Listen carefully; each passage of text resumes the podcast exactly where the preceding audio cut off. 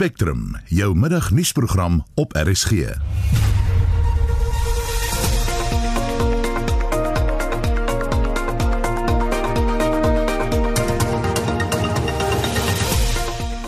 In die program owerhede is besig met omgewingsimpakstudies in die eThekwini munisipaliteit na gifstowwe in plaaslike riviere beland het. Those chemicals that were being mixed up with the water from the fire engines was running directly into the rivers, into the lagoons, killing all of the fish and other wildlife in and around that lagoon space. Ons kry 'n reaksie op die hofbeslissing dat daar wysigings aan die reëls nodig is om die hoof van artikel 9 instelling te verwyder. Die Charlotte Maxeke Hospitaal sal eers so 2 jaar weer ten volle operasioneel wees. So there are parts of the hospital that are not in use that were not damaged by the fire because they are not occupationally safe. En Suid-Afrikaners kan dalk binnekort 'n deel van hulle pensioen onttrek om skuld te delg. Is dit egter 'n goeie idee om dit te doen? 'n Kenner gee raad. Die span is redakteur Justin Kennerly en produksieregisseur Johan Pieterse. Welkom by Spectrum.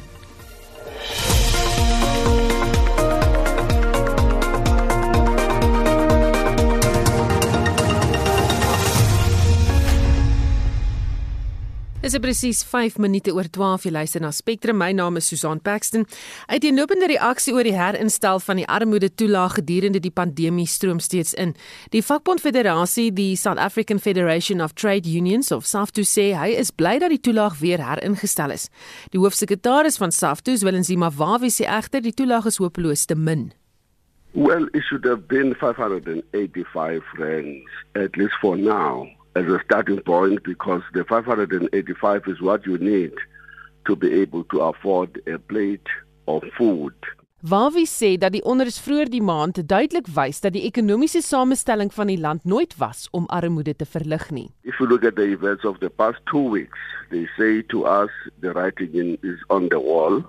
We have been warning about the ticking time bomb for the past uh, over 10 years is now beginning to explode. South Africa has become the protest capital of the world with more than five big protest actions happening on every day in this country.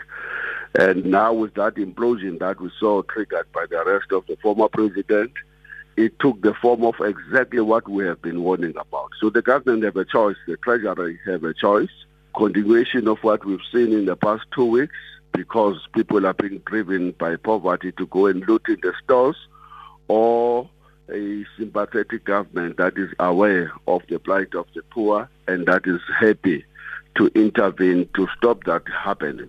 Wawie sê die toename in armoede in die land was soos 'n tydbom en die sneller wat die bom laat ontplof het was die arrestasie van oud-president Jacob Zuma.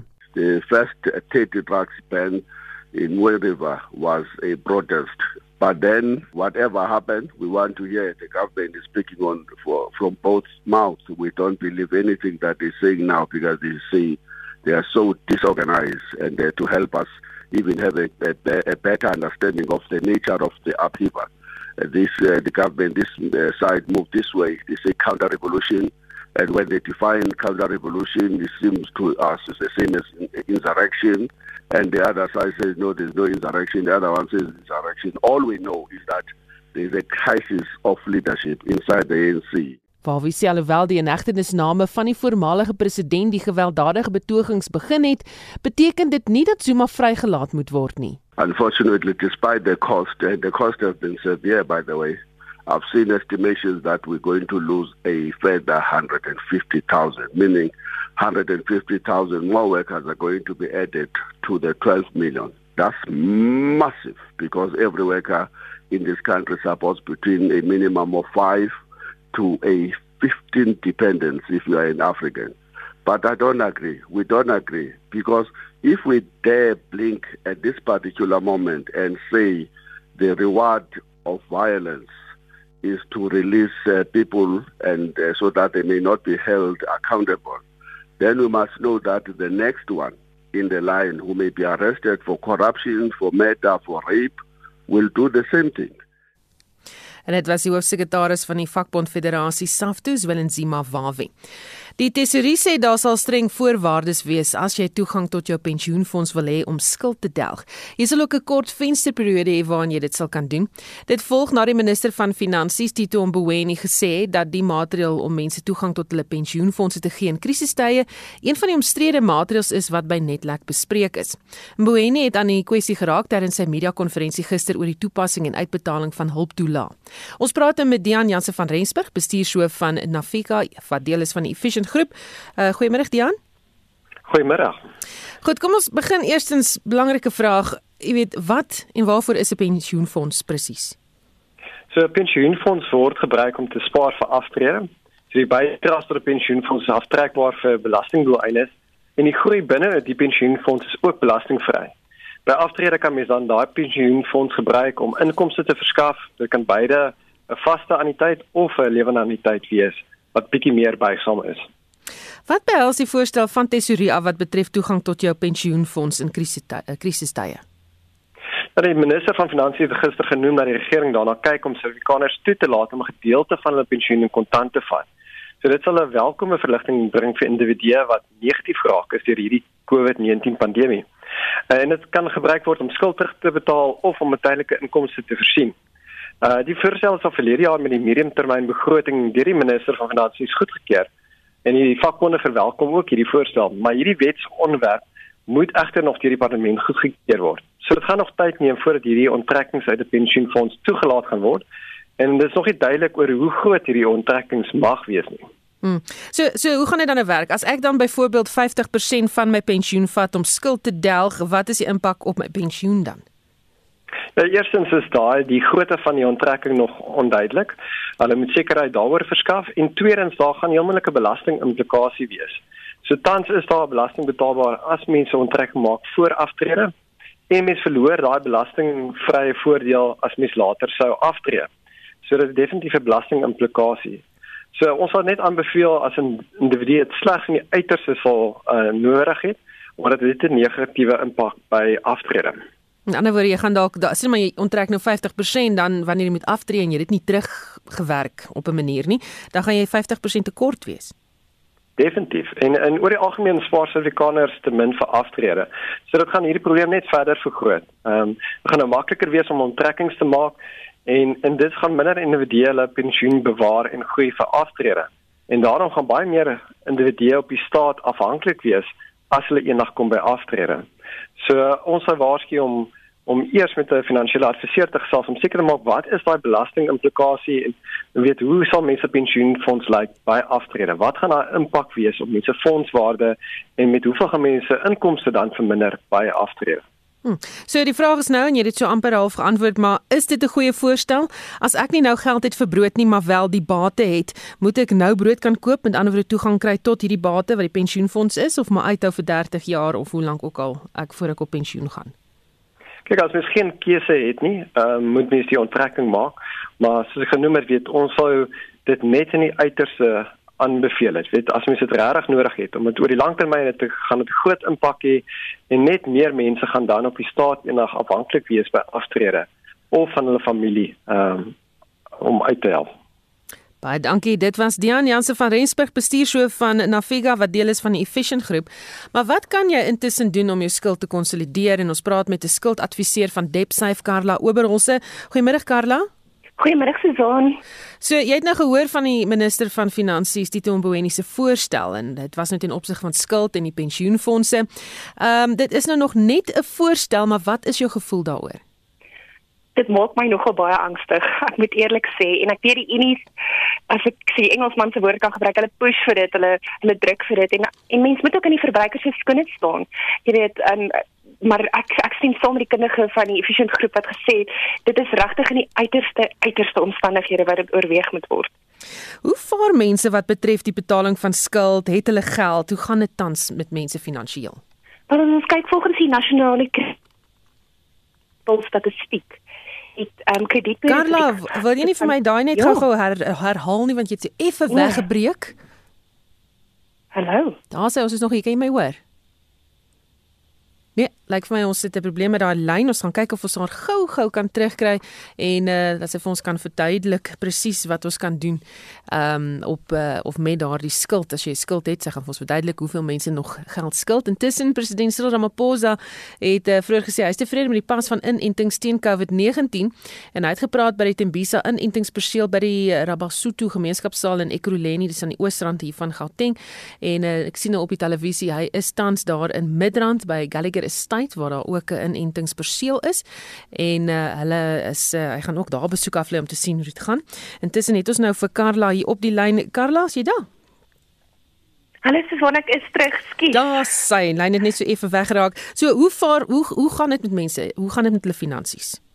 Goed, Susan, volgens die nasionale kredietreguleerder se kwartaal 1 statistiek het kredietbureaus rekords van byna 28 miljoen verbruikers en waarvan byna 11 miljoen van hierdie swak kredietrekord reeds toon.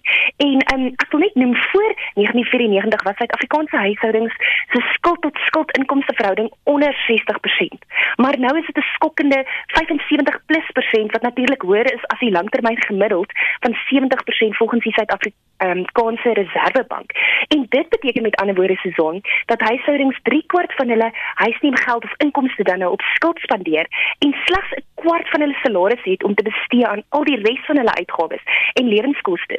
En die situasie word natuurlik erger as dit dan nou gebeur in die land dat rentekoerse opgaan, asook die koste van skuld wat jy dan nou moet terugbetaal en wat dan nou verhoog word. En in die lyn van spaarmaand en soos wat ons nou die einde van Julie bereik, ehm um, toon statistiek Suid-Afrika ook dat Suid-Afrikaanse huishoudings minder spaar ehm um, omdat hulle hulle dag tot dag uitgawes moet delg en aan aandag gee en dit het 'n geweldige invloed dan op hulle aftrede. Goed, so voor mense dan nou kyk na die voorstel om uh, miskien toegang tot die pensioen of 'n pensioenfonds te kry, uh, om dit nou te oorweeg, wat kan mens doen om jou skuld te konsolideer intussen? Hoe hoe help mens nou? Ek dink dit is baie belangrik om te weet jy moet jou persoonlike situasie in ag neem. Dis nou goed en wel jy jy neem nou alles in ag en almal se situasies, maar jy moet kyk, ehm um, wat is die rede hoekom jy skuld het? Dit kan in baie gevalle gebeur dat dit 'n lewenstyl is. Ehm um, jy weet en ons moet ons moet regtig vir onsself afvra wat wat is die beste wat ek kan doen? En ek dink dit is baie belangrik soos wat die ehm um, kundige ook genoem het. Dit is belangrik om ehm um, seker te maak dat jy nie van jou toekoms steel nie. Jy moet kyk na voorwaardes en implikasies en hoe doen jy dit? Ehm um, maak nie saak wat jou situasie is wanneer jy skuld konsolideer nie, want jy sal byvoorbeeld nie kan toegang kry tot 'n konsolidasie lening nie. Indien jy nog 'n vorm van inkomste kry, gaan praat met jou finansiële beplanner en adviseer en kyk, maar is daar nie 'n ander ehm um, iets wat ek kan oorweeg nie byvoorbeeld so skoprading as jy nog 'n vorm van inkomste kry is daar daardie program onder die nasionale kredietwet wat jou kan help om dan natuurlik jou skuld stelselmatig te delg. So Susan ek dink dit hang van persoon tot persoon af en jy moet seker gaan maak gaan praat met 'n kundige en kyk wat is die beste um, alternatiewe vir jou situasie om jou skuld te delg en waar kan jy ook sien jou inkomste. Daar's baie mense wat sê nee maar ek moet al hierdie goeders doen maar jy het nog nooit eers um, begin by 'n begroting nie. Die basiese um, beginsels van ehm um, skuldbestuur en 'n skuldbestuurplan. Hmm. Baie dankie. Dit was 'n skuldadviseur van Debsafe Karla Oberholzer. Die Charlotte Mackay Hospitaal in Johannesburg sal eers oor 2 jaar weer ten volle operasioneel kan wees nadat vroeër die jaar in 'n brand beskadig is. Die Gauteng Departement van Gesondheid sê dele van die hospitaal is heropen en bedien pasiënte. Die gedeeltes wat egter steeds gesluit is, is nie weens die brandskade toe nie, maar as gevolg van skade aan die infrastruktuur wat 'n geruime tyd al kom. Die ALR vir infrastruktuur en eiendomsbestuur in Gauteng, Tasni Motara het vroeër aan SAK nuus verduidelik dat die hospitaal wel in staat is om COVID-19 pasiënte te behandel. The hospital is treating COVID 19 patients. The hospital is also using many of the outpatient areas. The hospital is also using the neonatal and maternity sections because they have the specialist facility. They're one of the only hospitals with those specialized facilities in the province, the radiology, oncology units as well. Mutara sê daar's wel gedeeltes wat in die brand beskadig is wat steeds gesluit is, maar daar's ook gedeeltes wat gesluit is wat nie in die brand beskadig is nie. So the parts that need to be made structurally safe is of course the areas that were affected by the the fire. So that's on the northern section, it's block 3 and a portion of block 4. So that's in terms of structurally structural repairs. That's the, the area that was that was damaged by the fire. So there are parts of the hospital that are not in use that were not damaged by the fire because they are not occupationally safe to occupy. But what the hospital is using is using their outpatient areas so that there's no stay-ins, there's no patients in the hospital that sort of stay over and have to sleep in the hospital for a period. So in terms of the outpatient areas, maybe if I can just speak to those, it's the radiation oncology, it's the MRI, the renal transplant and dialysis sections, it's the neurology ICU. So what they've opted to do is to use for patients that need to stay in is to accommodate them at the Bara facility, the ABT facility at Bara. Mutara sê wetgewing bepaal tans dat die geboue wat nie in die brand beskadig is nie, ook nie veilig is om pasiënte in te behandel nie. So they were deemed not up to the current standards. So whether they're safe to occupy or not is so structurally they may be safe, structurally they are sound, they not the building will not collapse on you. But in terms of the new current building standards, the building has not been updated to those current standards. Mutara het erken dat die geboue se instandhouding nooit voorheen ter sprake gekom het nie en dat dit hartseer is dat die stand van sake nou die provinsie se kapasiteit om die pandemie te bestry in die wiele ry. Current regulations just automatically make the hospital not up to the standard and then therefore are deemed unsafe. So any legislation, if we pass it, and the difficulty we have with these, these types of regulations, they get updated periodically. So even the fire and safety regulations that we're working with currently, if a building, for instance, burns somewhere, they look at the reasons for why, and then they update the fire regulations. And even if we've updated that building today, if there's a change in those regulations next month, the building would be deemed not safe according to the newest regulations and standards. So it's always chasing a moving target. Dit was die ALR vir infrastruktuur en eiendomsbestuur in Gauteng, Tasneem Motara. Die Kaapstadse Hooggeregshof het beslis dat die parlementêre ondersoek na die openbare beskermer se geskiktheid vir haar pos nie ongrondwettig is nie. Haar aansoek om die ondersoek te staak is van die hand gewys, maar die reëls van die proses moet aangepas word. Dit behels dat 'n sittende amptdraer van 'n hoofstuk 9 instelling geregtig is op regsverteenwoordiging tydens die komitee se verrigtinge. Die reël wat bepaal dat 'n regter op die onafhanklike paneel aangewys word, moet gewysig word en regters daarvan uitgesluit word. En vir meer hieroor praat ons nou met 'n professor in publieke reg aan die Universiteit Pretoria, Koos Malan. Goeiemôre Koos. Goeiemôre Susan. Wat dink jy van die openbare beskermer se besluit om die roete te volg? Uh wel, uh, sy het duidelik 'n fout gemaak uh, om eintlik die saak aanhangig te maak met wyse van litigasie. Uh op skoon daar uh twee foute bevind is wat jy in die inleiding genoem het, genoem het, naamlik dat sy uh, geregtig is op regsverteenwoordiging uh ten einde haar saak te stel uh, by die parlementêre komitee wat die wat die nasionale vergadering moet adviseer uh, of sy uh, afgedank moet word uh, op grond van van wangedrag of onbevoegdheid in 'n bepaalde geval en of skoon die hof ook beslis het dat die paneel wat daardie uh, komitee adviseer daardie parlementêre komitee adviseer nie ook 'n regter in sy geleedere mag hê nie kan die parlementêre komitee op hierdie stadium sonder wysiging eintlik van die reëls voortgaan uh, met verdere stappe met betrekking tot haar. Die rede daarvoor is dit. Wanneer mens gaan kyk na die wyse waarop die betrokke reëls, die reëls wat nou ongrondwettig verklaar is deur die deur die Kaapse Hooggeregshof, wanneer mens gaan kyk na daai reëls, dan sien jy albei die reëls is verdeelbaar. Dis nou 'n bietjie van 'n regskwessie.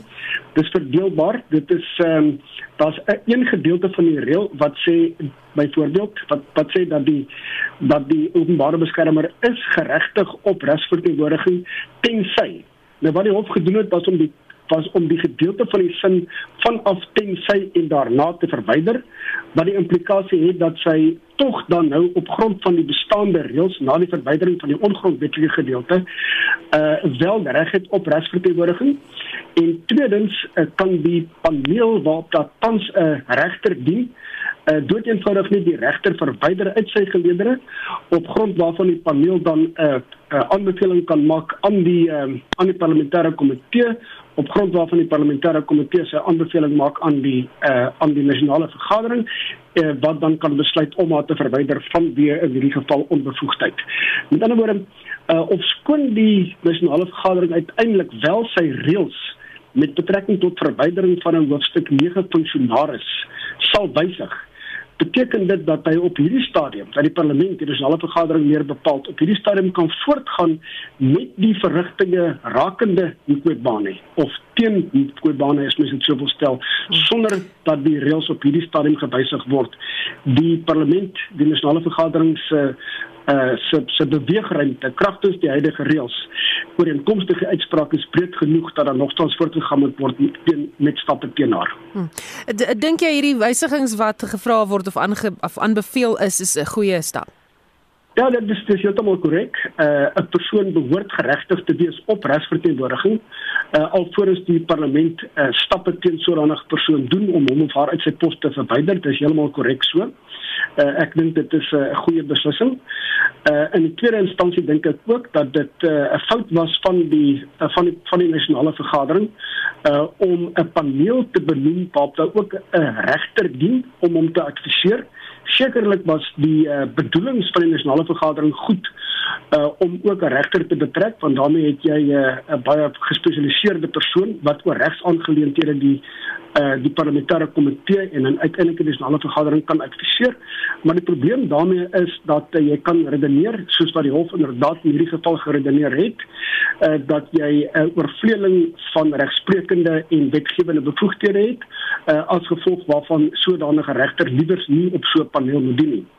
Die feit van die saak is dat die uh dat die reg dat die openbare beskermer egter op hierdie stadium uh ongelukkig uh, doeteenvoudig die proses eintlik vertraag uh, dat sy eintlik besig is om vlee af te vang met betrekking tot die proses want dit is helder duidelik vir enige iemand en dit behoort, behoort ook vir haar duidelik te wees dat sy werklik waar 'n besondere onbevoegde persoon is 'n besondere onbekwame persoon is veral in die lig van die baie flagrante foute wat sy gemaak het wat selfs 'n 'n junior persoon 'n junior persoon in die regsberoep nie sal maak nie het sy gemaak en ek dink sy moet dan nou liewers maar neerlê by die besluite uh, wat eventueel onafwendbaar is wat met betrekking tot haar geneem sal word as gevolg waarvan sy haar uit uit haar pos uh, ver, ver, uh, verwyder gaan word. Die beste wat sy wat sy eintlik kan doen, gegee die uh, die geweldige sterk saak teen haar, is om maar dood eenvoudig die weg van die minste weerstand te volg, die wyse stap te volg en eintlik uit eie beweging te bedank.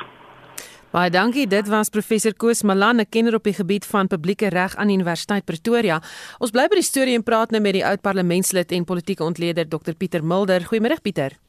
Goeiemôre Susan. Wat is jou algemene indrukke oor die kwessie? Susan, dit is maar uh, Zuma tegniek, Staliniese tegnieke om alles te vertraag. Onthou sy veg nou al hoe lank om dinge te vertraag. So elke moontlike klip wat sy kan in die pad rol, probeer sy rol en dis maar al wat hier gebeur. Sy gaan op haar beste die proses 'n klein bietjie vertraag. Ek het nou na professor Koos Simelan geluister uh, en dis nou tegnies. Kom ek sê net uit die komitee uit sy oogpunt artikel 9 as, as, uh, uh, hoofstuk 9 eintlik van die grondwet is bedoel om 'n klompie instellings daar te stel wat nou die grondwetlike demokrasie moet versterk. Dit dinge soos die menseregte kommissie, die outeur-generaal openbare beskerming. En hulle moet onafhanklik wees. Met ander woorde, hulle slegs aan die grondwet onderwerpe. Nie aan die president nie, nie aan die regerende party kan vol opdragte gee nie. Onthou nou Tuli Madonsela bevoel het bevindings teen Zuma gemaak en hy kon niks daaraan doen nie. So daarom moet hierdie poste beskerm wees dat so iemand nie bang is om tot die president te storm nie die aan einde van hoofstuk 9 sê dan as dit dan nodig is om so 'n persoon te moet afdank en hy sê van wie wangedrag onverm of onbekwaamheid dan sê hy met die parlement met 'n 2/3 meerderheid te doen.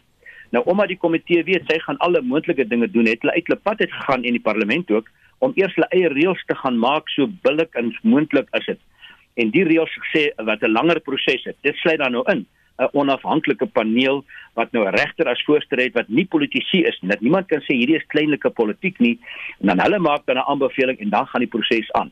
Nou het sy hof toe gegaan om al die reëls ongewetlik te verklaar en sy het nie geslaag daarmee. Die hof het dit in die hand gewys dat hierdie twee reëls uitgehaal. En daar is 'n uh, koers reg in die opsig die eerste een sê met regsverteenwoordiging sy kan reeds op hierdie oomblik regsverteenwoordiging hê so dis nie moeilik om dit aan te pas nie daar is 'n debat of die regsman namens haar kan praat. Uh, hierdie is nie 'n hof nie, onthou by Zondo praat die getuie. Die regsou kan haar advies gee uiteindelik dis nie hof wat 'n ou namens jou praat, maar dit kan aangepas word. Dis nie moeilik nie. Die ander reël is die moeiliker een wat sê dat moenie 'n regter wees nie. En nou moet ek sê hoe sê die regsmense met respek teenoor die hof of waar ook al, ek dink dit is 'n swak uitspraak in die opsig wat die tweede een betref. Dis juist die doel om met 'n regter die indruk te skep van neutraliteit. En ek verstaan die argument van meng in van die regtelike gesag by die uh, wetgewende gesag, maar hulle het gebruik gemaak van 'n afgetrede regter, regter Besin Kabinde, wat ek dink geloofwaardigheid gee om te sê is nie kleinlike politiek nie en ek dink nie noodwendig inmeng nie, dis maar my mening omdat sy afgetrede regter is. Nou die komitee het nou twee opsies. Hy kan of nou die paneel nie saamstel soos uh, Preskoos gesê het, uh, beselle mense gebruik. Hulle gaan waarskynlik dieselfde bevindinge maak, dit vertraag net die proses. Of hulle kan sê man, ons reëls maak voorsiening daarvoor. Hier is 'n afgetrede regter. Dit dink nie dit raak die proses nie aangaan, maar ek weet hulle is super versigtig want as hulle 'n foutjie maak, gaan sy waarskynlik hulle hof toe vat en die proses langer uittrek en ek dink hulle wil van haar ontslaa raak met goeie redes. Dis die eerste keer dat 'n ondersoek soos die in die parlement draai. Is dit te wag dat daar 'n paar hekkies gaan wees? Ja, korrek eintlik. Uh, Juis omdat hy hoofstuk 9 so belangrik is en die droom is dat dit moet onafhanklik wees. Uh, Onthou Tuli Madonsela was regtig 'n goeie voorbeeld van hoe openbare beskermer behoort te wees. Sy het enigiemand geveg, Zuma gegryp sonder om te skrik. Hierdie huidige persoon het 'n hele paar uitsprake gegee wat duidelik lyk of haar onderrok uithang na die pro-Zuma faksie toe uiteindelik en daarom dit was tot nou toe nie nodig om van so iemand ontslae te raak nie. Maar nou goed nou met die proses sê die grondwet nie fyn detail nie. Hy sê net 2/3 meerderheid in die parlement. En die parlement het nou sy eie reëls. 'n klomp stappe voor gaan inbou wat 'n komitee is om seker te maak niemand kan gaan voor hulle die 2/3 kom nie. En hooplik gaan die proses nou deurgaan. Die hof gaan sê dis reg en dan het mense proses as jy in die toekoms wel nodig het. Baie dankie dit was die uh, politieke ontleder en oud parlementslid Dr Pieter Mulder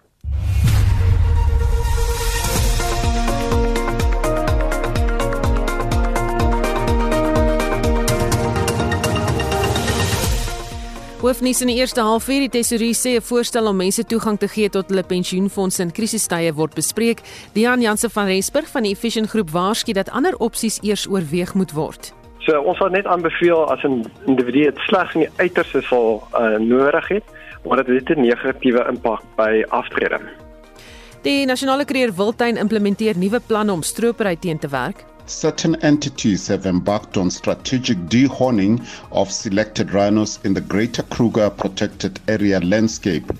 En die Matroosberg Privaat Natuurreservaat in Ceres is gedwing om te sluit weens skade wat aangerig is aan die omgewing. Bly ingeskakel.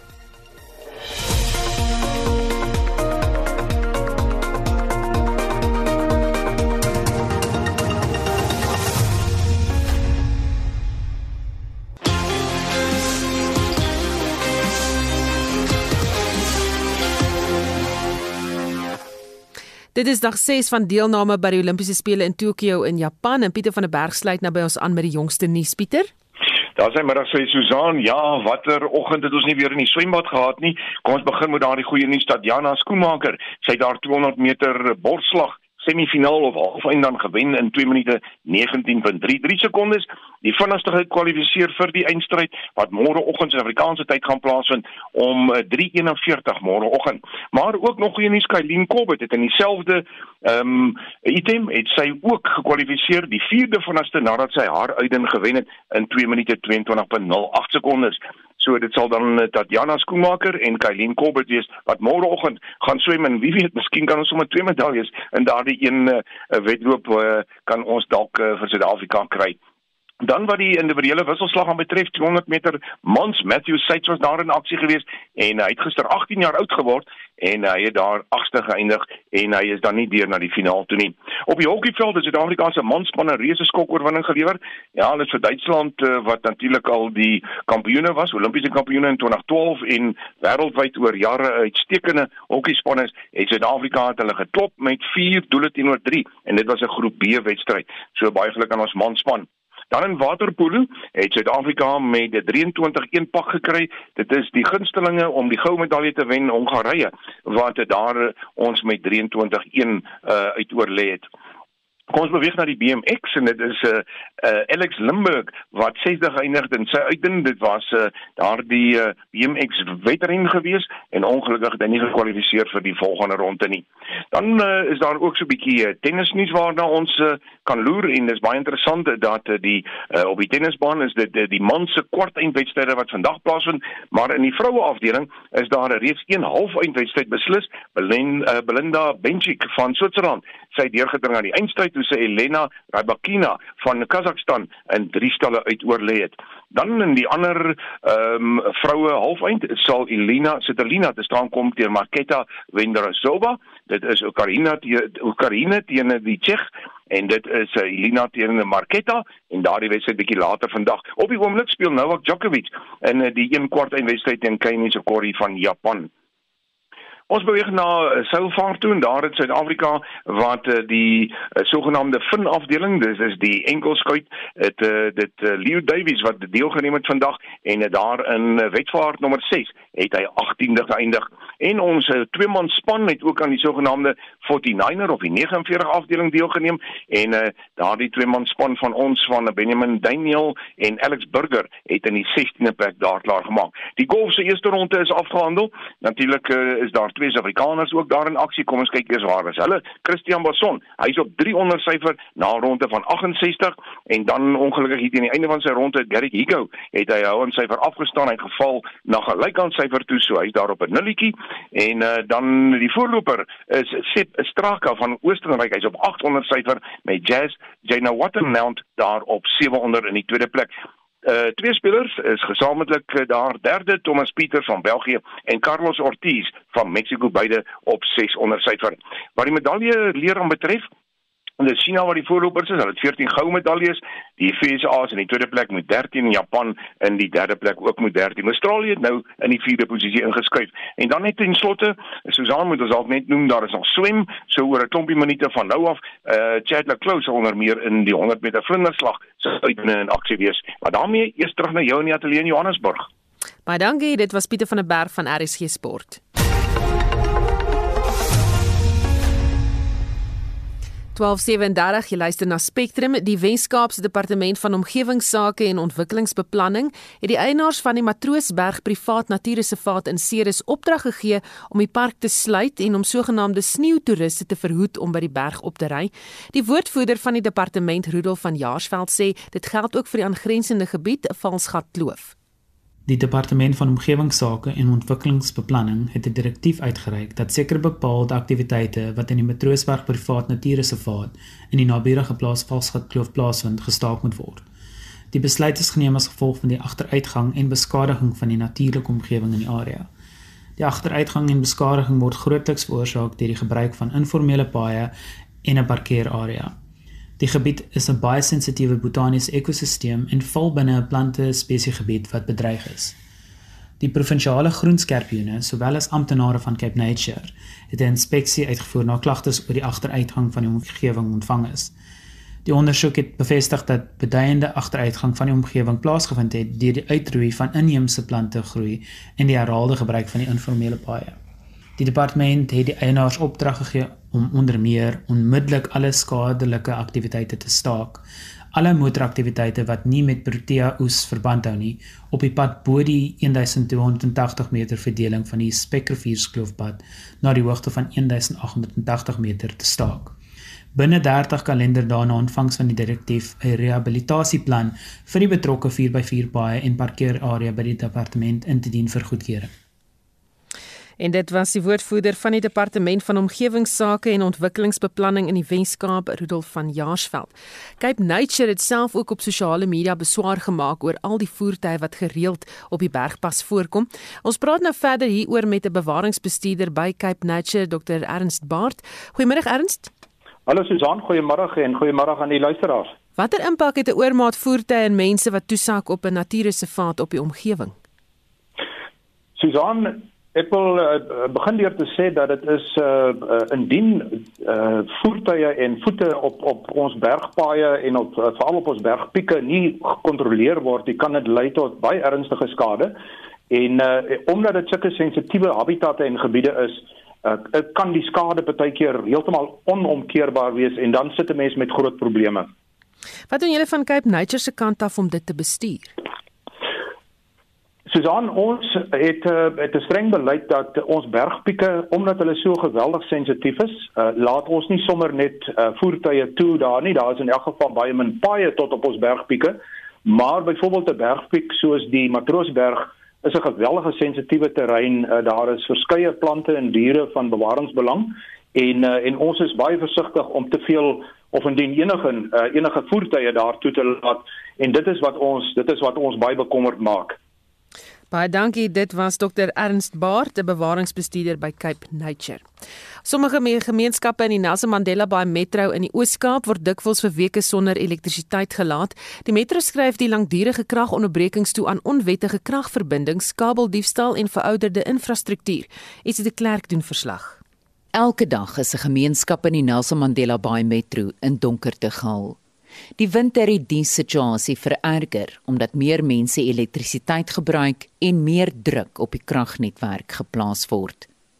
Een van die gebiede wat die ergste geraak word, is Motherwell.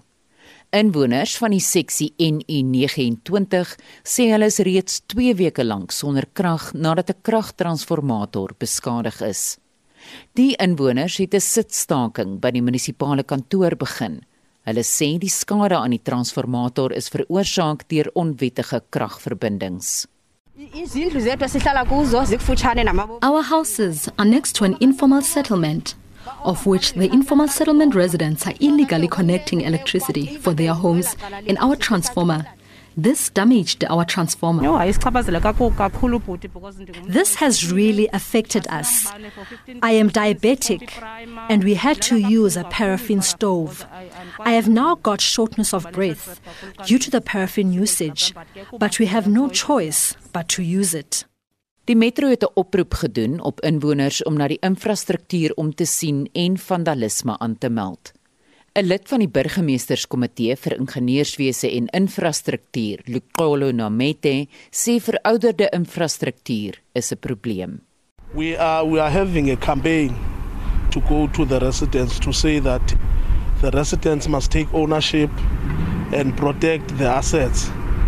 Because these assets are not only the municipal assets but it becomes their assets. Because it's these assets that service them So if they cannot take ownership and protect what is theirs, it's them that's going to be to have a, a problem at the end of the day. Namete sê die metro verloor miljoene rand weens vandalisme en dit het 'n impak op dienslewering. The estimation price that uh, we are losing per year it's more than 350 million. That is unaccounted per year. So it becomes then a, a challenge for the city because at the end of the day we have to account to national treasure that where is the money. Om korrupsie te verminder, gaan die metro in Augustus slim kragmeters installeer. Die toestelle kan bepaal wanneer iemand met die krag toevoer, Peter. Die verslag is saamgestel deur Nkebese Nqina en Nkebega en ek is Estie de Klerk vir SAK nuus. Die rockgroep ZZ Top het aangekondig dat die ikoniese basgitaarspeler Dusty Hill dood is in die ouderdom van 72. Dit volg nadat hy tyd afgevat het weens 'n heupprobleem. Hill is volgens die groep in sy slaap dood by sy huis in Houston, Texas. Volgens die groep gaan sy standvastige teenwoordigheid en goeie gesindheid gemis word. Hier is een van die groep se treffers, Sharp Dressed Man.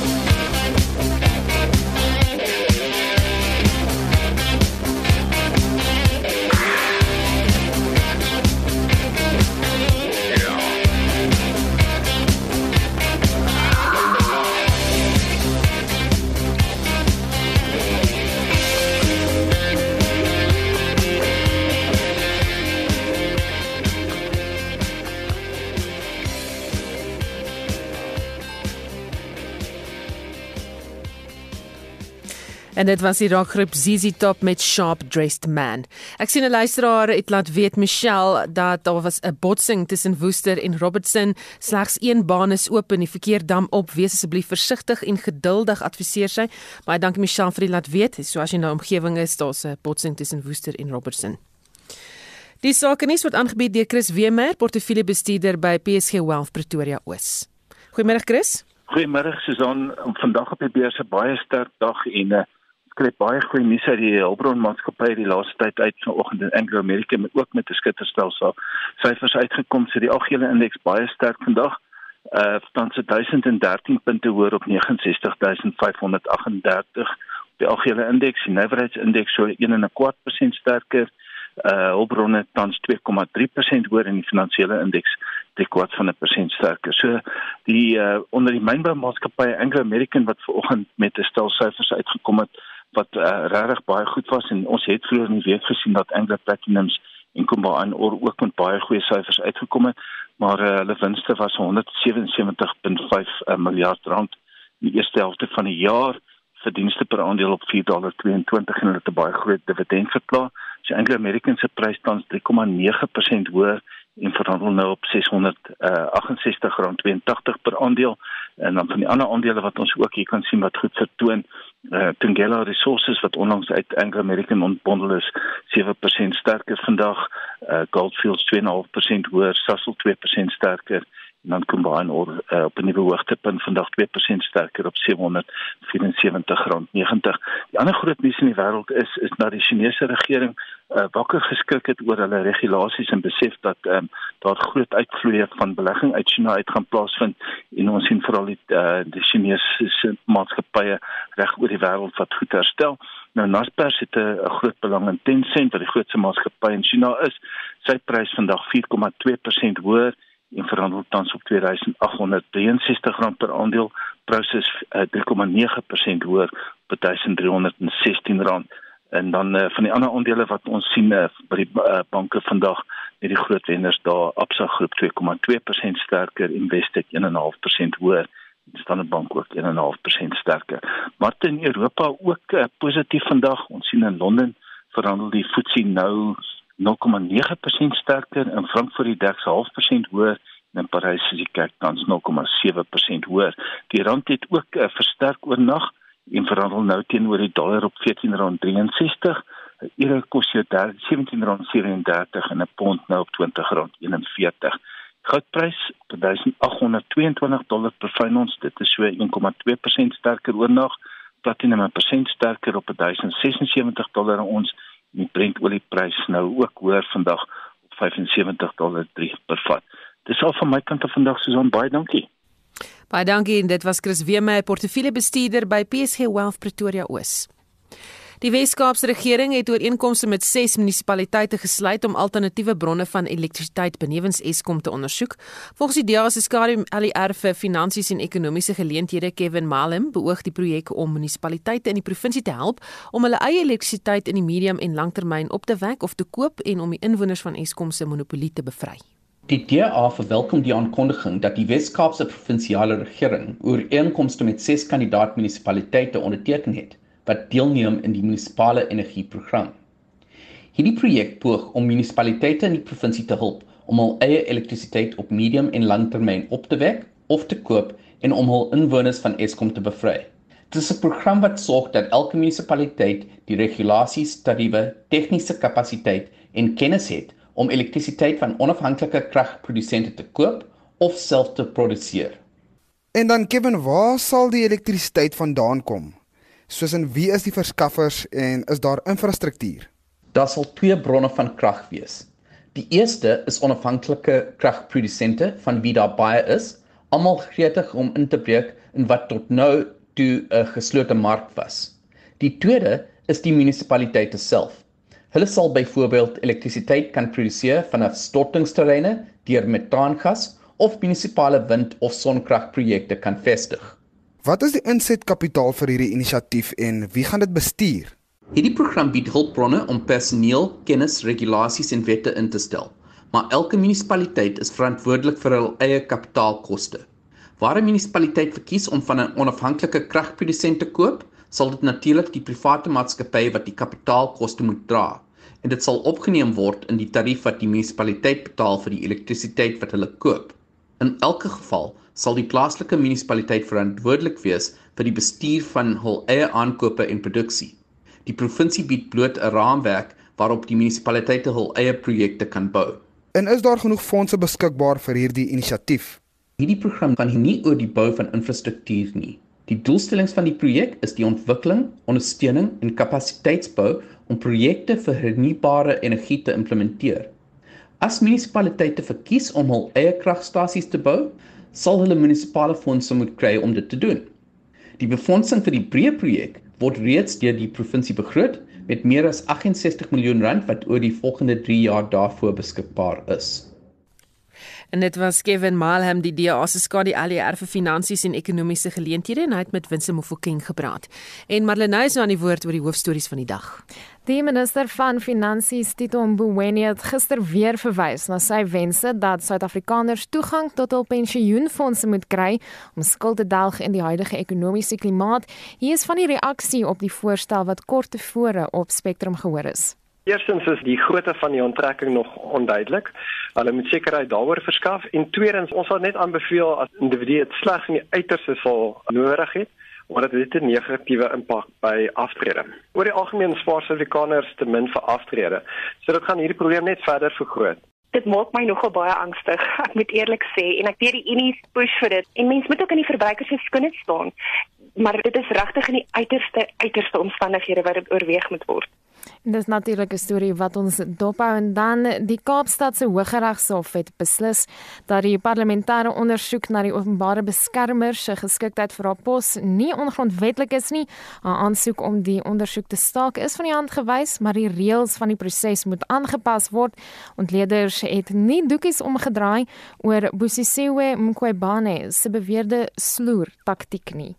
Dit is helder duidelik vir enige iemand en dit behoort ook vir haar duidelik te wees dat sy werklik waar 'n besondere onbevoegde persoon is, 'n besondere onbekwame persoon is, veral in die lig van baie flagrante foute wat sy gemaak het wat selfs 'n junior persoon in die regsberoep nie sal maak nie.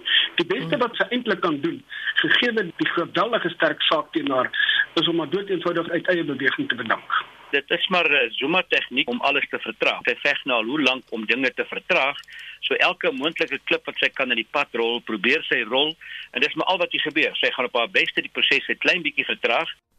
Die president is intussen besig om besoek af te lê aan verskeie inentingsfasiliteite in Gauteng en dis ook 'n storie wat ons dophou. En soos ons praat, is die Universiteit Stellenbosch besig met die opening van sy skool vir klimaatstudies. Dit gaan nie hier oor slegs aardverwarming nie, maar elke aspek van die samelewing wat deur 'n veranderende klimaat geraak word. Môre in Spectrum het ons meer hieroor.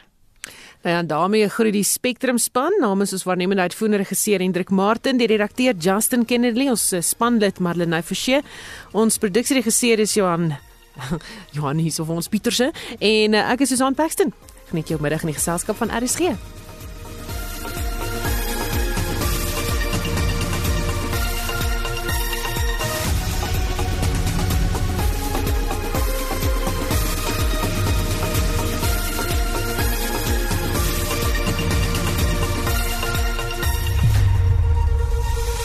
SAK nuus.